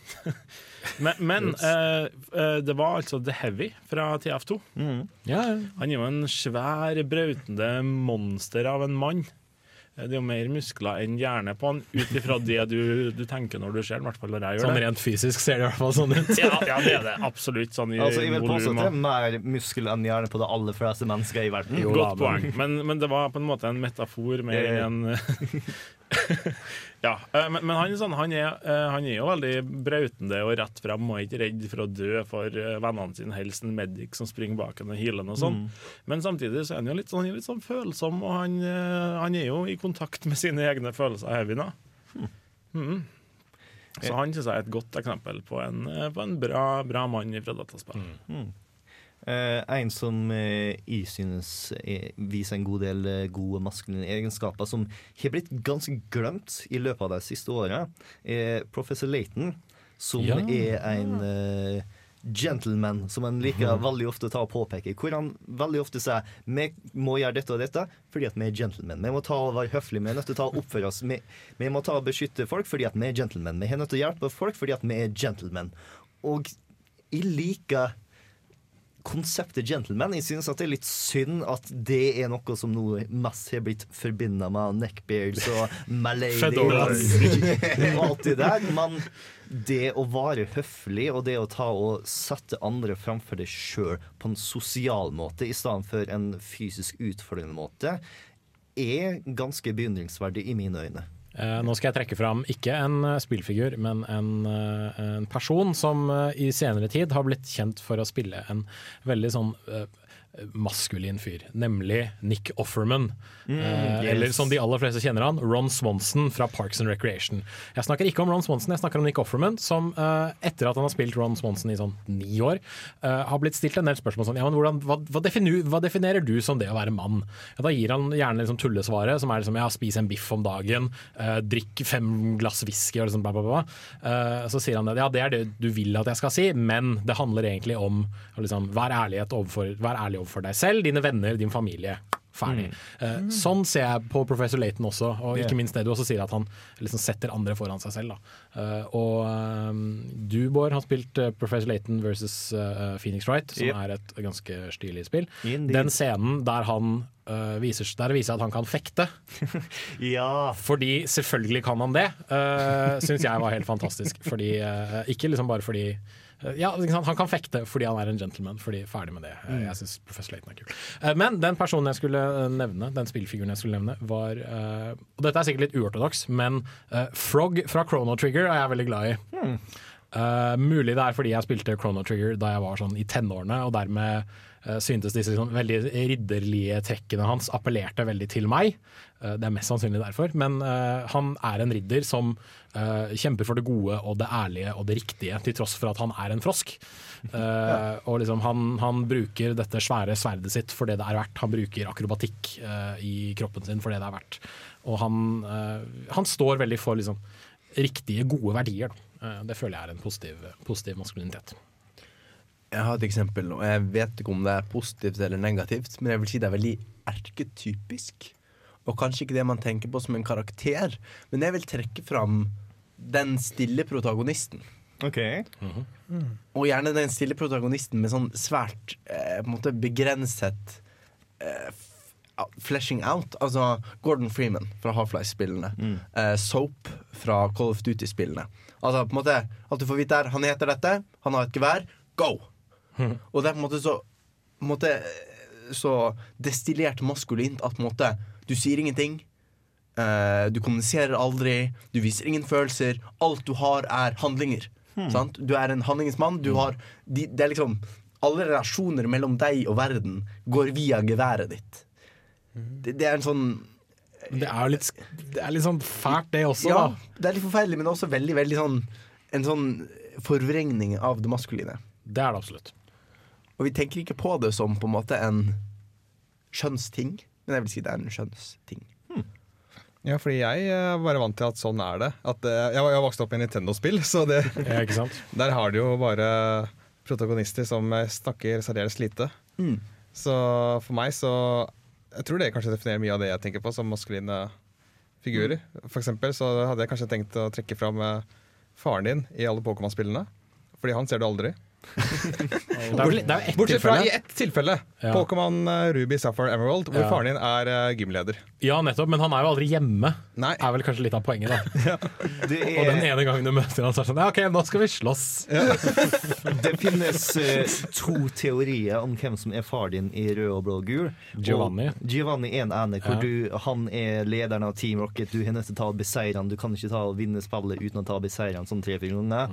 Men det andre teorien er også Yo Champ. Han som står utafor Ja, hver eneste ja, gym og bare ja. sånn Dette er det du er nødt til å fokusere på i denne gymmen. Sånn tenker du å gjøre det.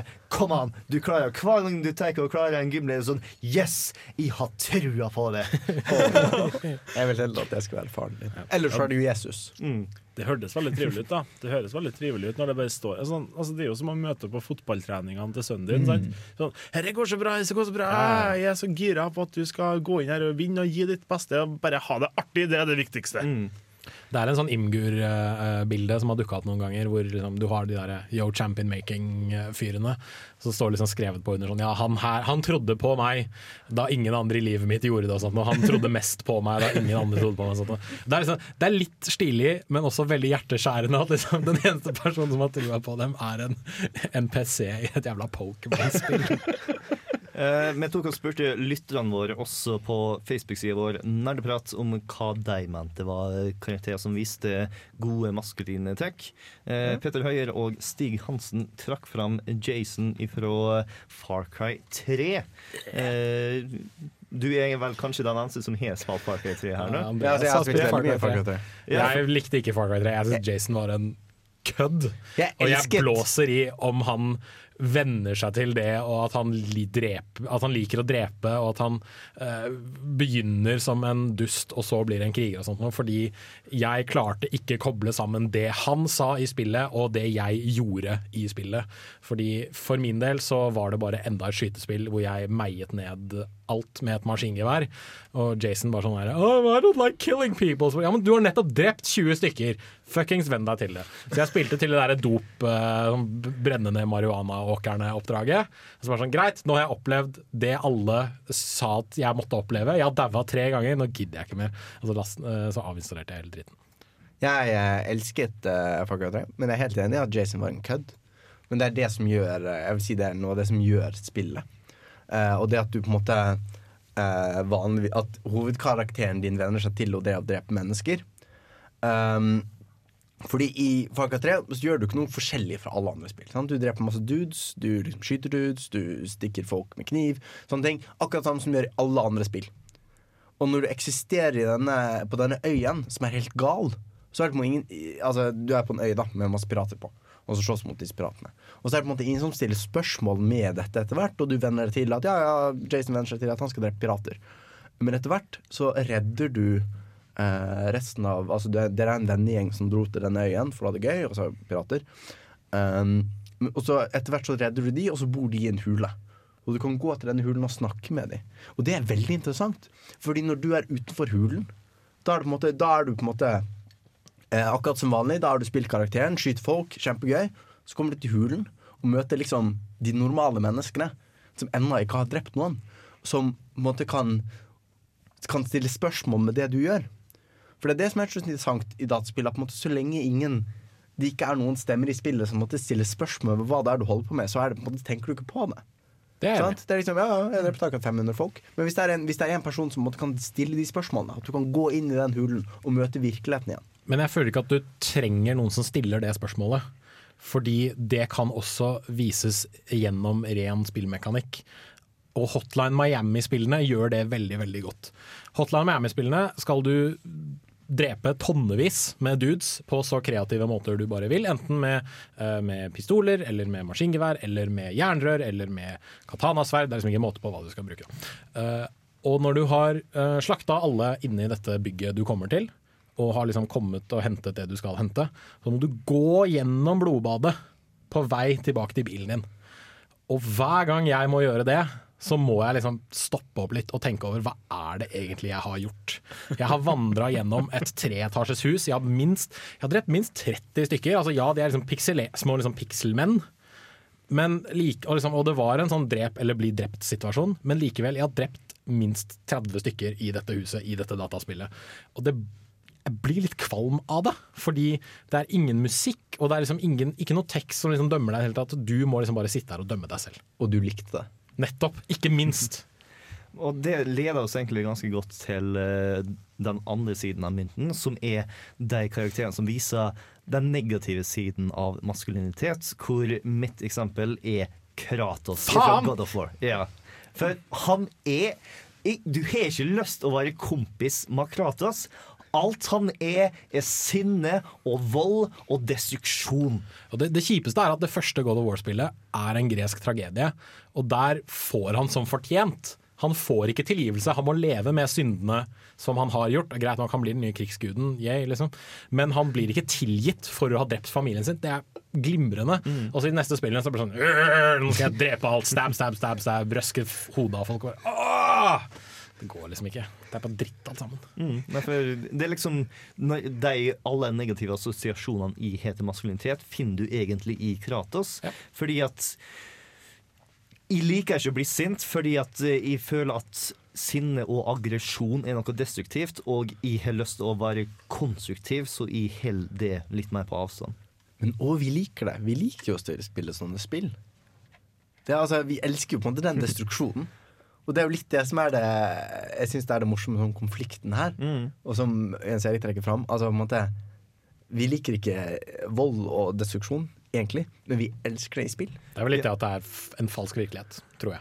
Det er egentlig en ganske interessant diskusjon, fordi at uh, i fiksjon så blir det mandige Det blir hylla frem som de som er modige, de som tar og dreper folk, de som er modige nok og ødelegger og drar og gjør ting. Mens i vårt faktiske samfunn, hvis du er den som, når du blir fornærma, slår en på trynet, hvis du er den som tar og er stor i kjeften, hvis du er den som tar og oppfører deg sånn som mannfolk i film oppfører seg, så er du drittsekken og ikke en helt. Jeg vil trekke fram Jeg leste en artikkel som sammenlignet Paradise Lost. Altså denne eh, romanen Ja. om Fanfiction om eh, hvordan Satan ble Satan. Ja, det kan du si, men det ja, på en måte. Eh, men skrevet av liksom en, en superkristen fyr på 1800-tallet. Veldig anerkjent litteratur, på en måte. Eh, og sammenlignet av denne boken med eh, Hatred. Det spillet som ble hevet ut av Steam. Og som kom tilbake igjen. Ja.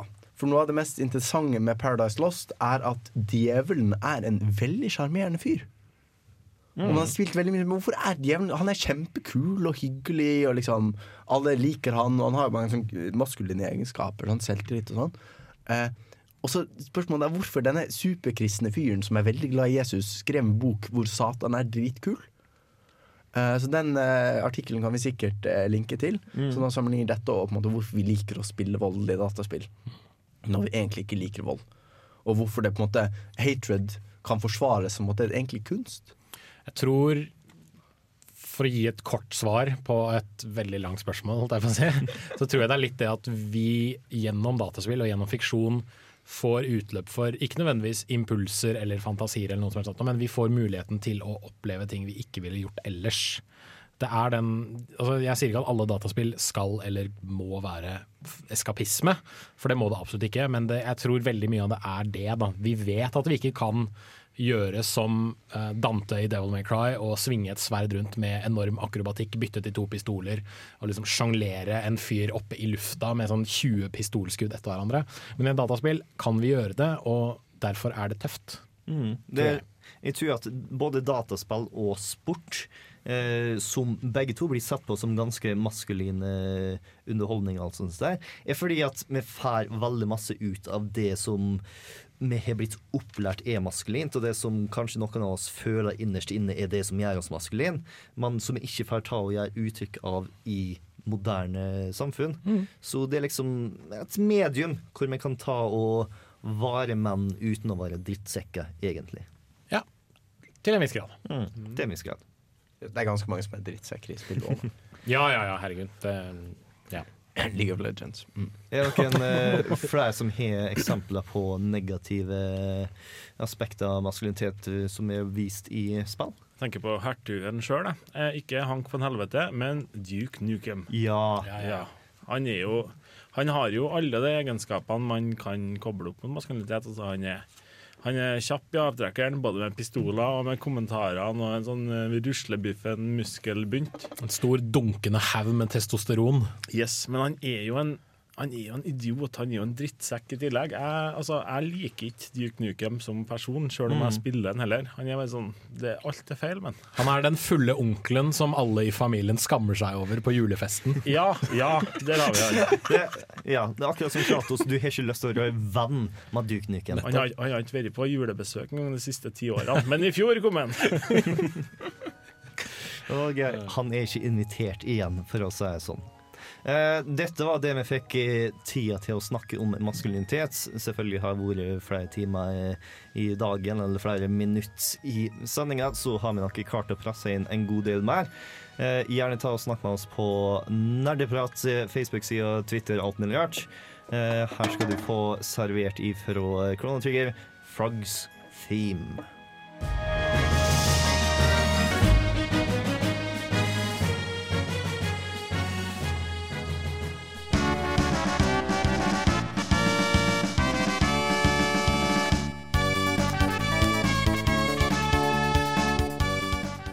Og da er dagens sending av Nerdeprat ferdig. Eh, neste uke så er jeg ikke helt sikker på hva som skjer, fordi at vi stikker til The Gathering i Hamar. Vi kommer til å lage veldig masse stoff derifra. Vi får se om vi får tatt og lagd en podkast derifra. Time will show. Eh, det som er faktisk litt interessant eh, med denne sendingen her, er at den er både den første sendingen som blir sendt på DAB i Trondheim, fordi at nå er vi på DAB i lokalnettet der, og den første som har kommet rett ut på iTunes, fordi at vi har endelig fått ræva i gir og kommet oss inn på iTunes. Eh, dersom du hører oss der, så har vi virkelig satt pris på det, dersom du tok deg tida til å gi oss litt positiv kritikk. Gi oss eh, noen stjerner i en anmeldelse der. Hvis du har negativ kritikk, så skal ikke si at du skal holde kjeften om. Jeg vil gjerne at du tar og sender en mail til nerdeprat.radiorevolt.no og fortell oss om det. Du kan treffe oss også på alt annet av sosiale medier under navnet Nerdeprat. Nå tar vi å avslutte med den ganske så passende maskuline låta Your Pain Is Mine.